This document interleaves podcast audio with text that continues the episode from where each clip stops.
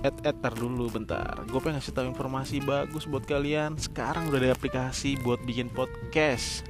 Di dalam aplikasinya udah gampang banget. Kalian cuma tinggal ngerekam suara kalian bisa custom musiknya custom avatar. Kalian tinggal ngerekam share share rekamannya udah selesai.